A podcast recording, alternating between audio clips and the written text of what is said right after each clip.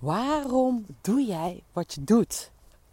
Waar word je nu echt blij van?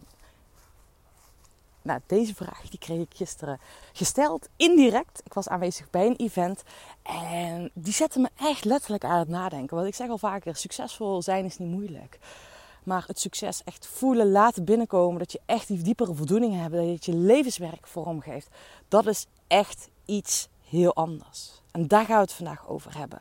Welkom bij de Peak Performance Podcast, de podcast voor winnaars. Mijn naam is Sanne van Paas en ik geloof erin dat jij tot nog meer in staat bent dan dat jij nu laat zien.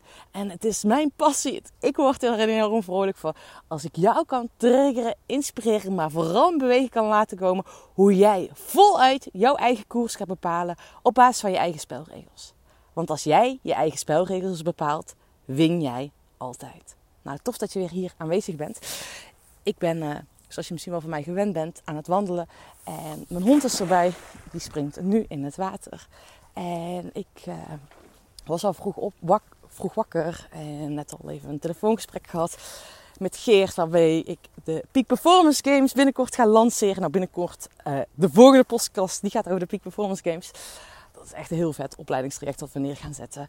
En ik deelde met hem mijn verhaal over waar ik gisteren naartoe ben geweest. Gisteren ben ik op zoek of eh, naar een event geweest van uh, uh, een business coach, Veronique Prins. En nou, zij zette mij al aan het nadenken. En, maar ze had ook Jeroen Swolfs uitgenodigd, een fotograaf.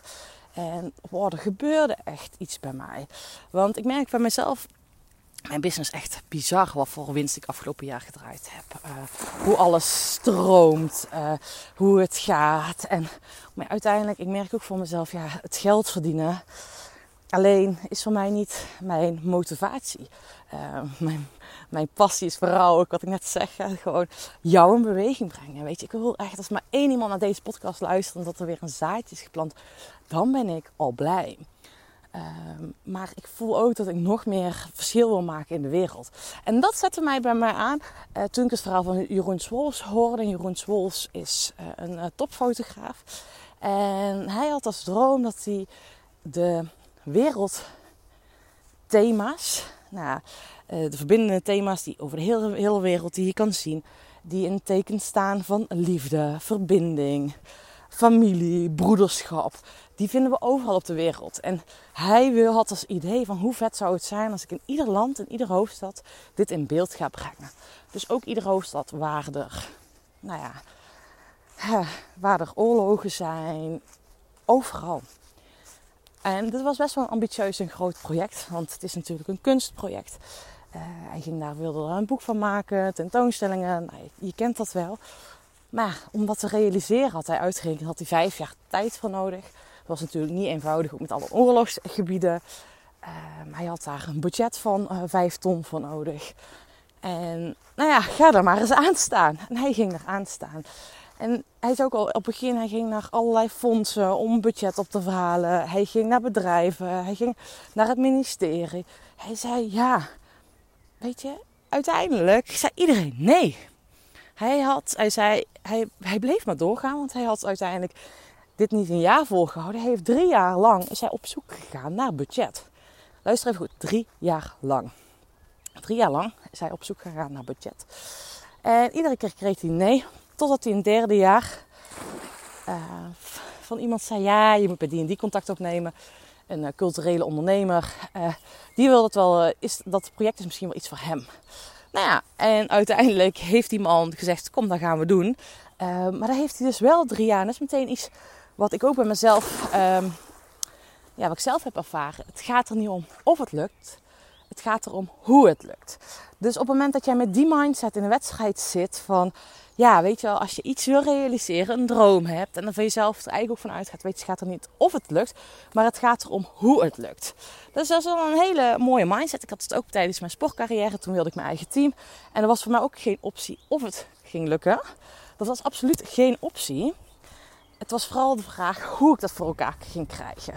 En een kwestie van tijd, een kwestie van doorzetten. Dus dat is echt een enorme ja, mindset uh, die je dus die je dus vast moet houden. En ik zie dat ook met de autocoureurs die ik begeleid.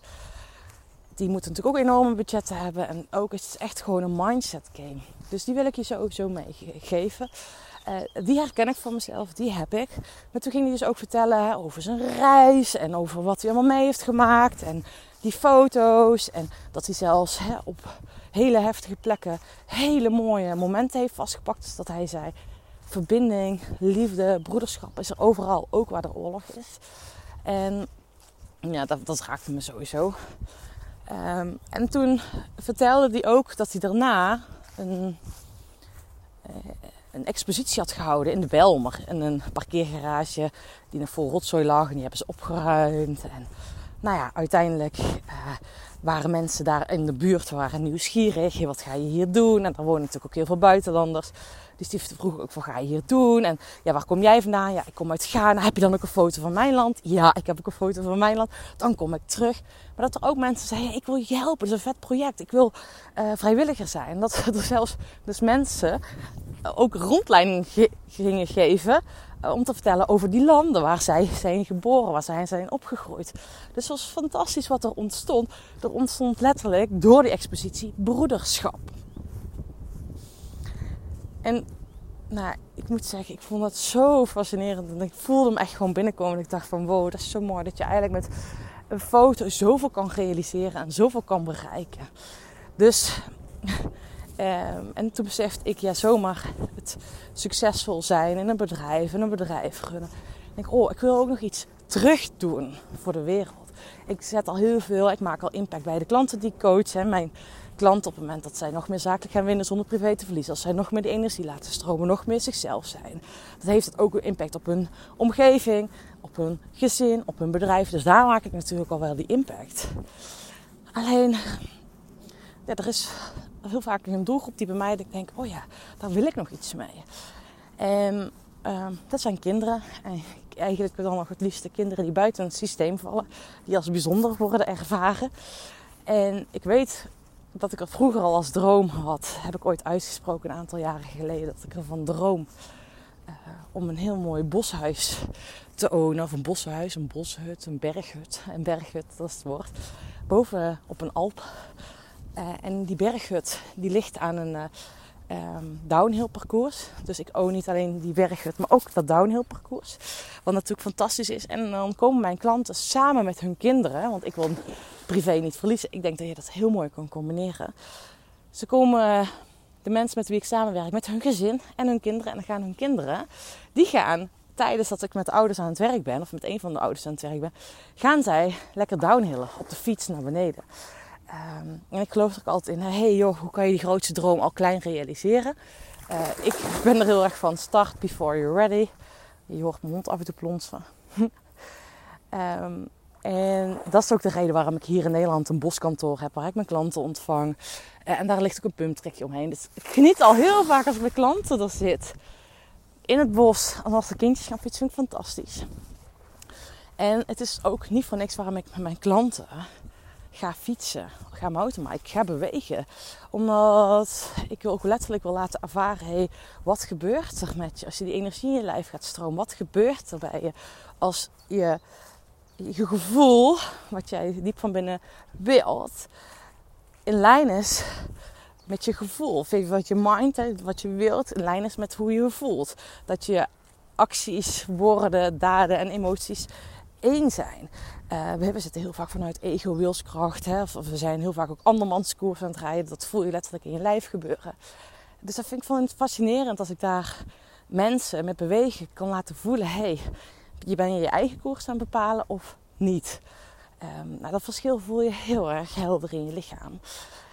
En ik zou het fantastisch vinden als ik kinderen kan laten ervaren. hey, wat gebeurt er als ik nou, die energie gericht in kan zetten? Want heel veel kinderen die weten eigenlijk niet hoe ze met zo'n energie om moeten gaan. Hoe kan je je energie gericht inzetten? Hoe werkt het met mentale weerbaarheid als je dat in sporten traint? Los. Ken je? Los? Hey. Hoe werkt dat dan? Dus je kan je mentale weerbaarheid heel erg mooi met sport trainen natuurlijk. Het zelfvertrouwen. Uh, ook meer die verbinding met hun lichaam krijgen. Uh, gewoon het iets tofs op avontuur. Want dat gaan we zeker met mijn mountainbike op avontuur. hoe vet is dat als je dat kind mag laten ervaren? En vooral kinderen die daar minder toegang voor hebben, die zelf geen eigen mountainbike hebben, die het geld misschien wel niet voor hebben. Nou, en dat lijkt mij zo fantastisch dat, nou, dat ik dus met kids dat voor kids kan laten organiseren. En dat zal ik natuurlijk geld voor nodig hebben. Um, daar zal ik dingen voor mogen gaan organiseren. Maar voel dat dit veel groter is dan mezelf. Dus dit is, uh, nou ja, dus, het is vele malen groter. Um, dus ik, hoe ik het precies ga doen, I don't know yet. Misschien mag er een stichting komen. Misschien uh, ga ik nog oproepjes plaatsen. Ook mensen die die clinics gaan geven. Want ik ga natuurlijk al die clinics niet zelf geven. Uh, maar lijkt me heel vet als er gewoon een community van mensen gaat ontstaan. Die het gewoon heel tof vindt om nou ja, de kinderen een, nou, dat gevoel met de fiets te kunnen geven. Dus daar voelde ik echt, toen ik daar zat, dacht ik, ja, maar het gaat niet om mijn bedrijf te laten groeien. Om het geld te verdienen, om, om te leven. Maar het gaat erom dat ik mijn bedrijf mag laten groeien. Zodat ik uiteindelijk nou, dit project zelf kan gaan crowdfunden, bijvoorbeeld. Um, en dat hoeft, ik voel ook dat dat niet eens alleen helemaal op mij hoeft te leunen. Maar het lijkt me gewoon zo fantastisch dat, nou, dat ik dit in beweging mag gaan zetten. Dat ik dit mag gaan doen. Dat je die kinderen met bewegen, oh, dat is zo essentieel.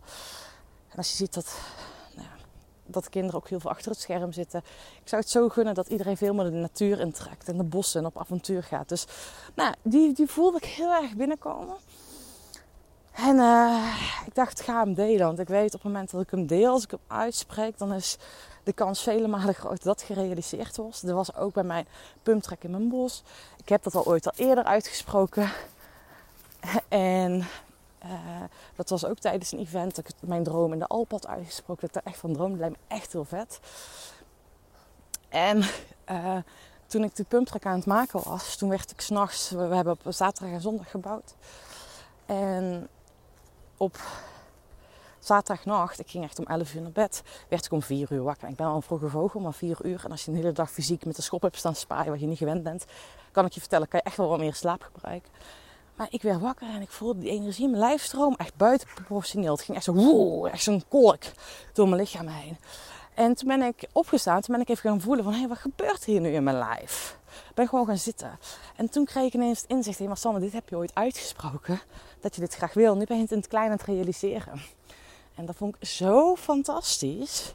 Dat vond ik echt, nou ja, het ging echt mij aan het hart. Dus dat is um, dat ik weet wat er gebeurt op het moment dat je dingen gaat uitspreken. En als je nu ook luistert en mijn droom hoort en als je nog toffe ideeën hebt. Weet je, ik heb helemaal geen ervaring om met kinderen te werken met syndroom van Down. Ik zou überhaupt niet weten of ze kunnen fietsen.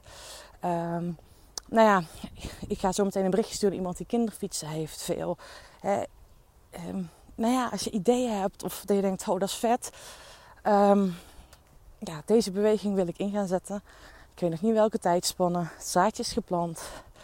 Um, maar zo werkt dat volgens mij. Ook echt met dromen. Nee, de, niet volgens mij. Zo werkt dat met dromen die je hebt. Dat je het uit mag gaan spreken. Dan is de kans vele malen groter dat ze gerealiseerd worden. Um, en wat ik je ook mee wil geven. Waarom doe je wat je doet? Is dat puur om het geld te verdienen? Of is dat om nog iets extra's de wereld in te kunnen doen? Om nog iets extra's iemand te kunnen geven? Om een bijdrage te kunnen leveren?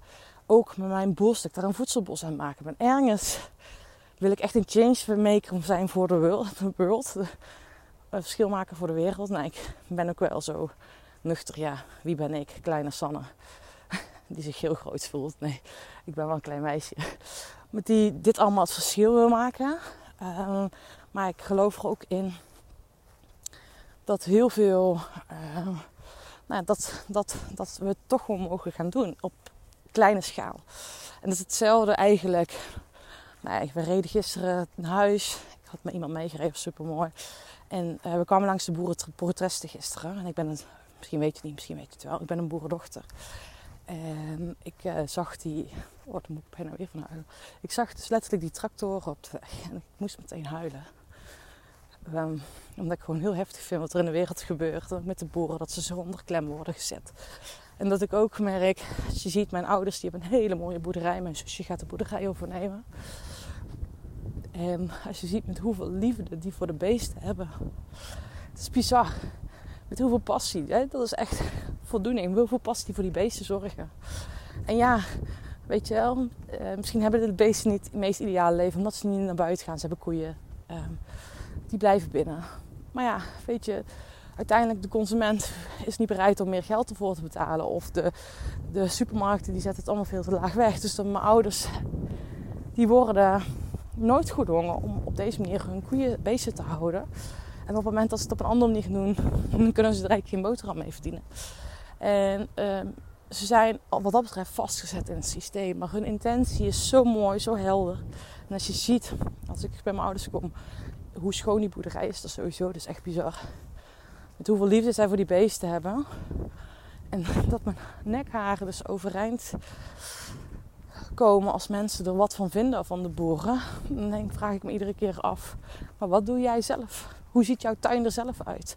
Wat voor bijdrage lever je zelf aan deze mooiere wereld? Hoe zet je dat in?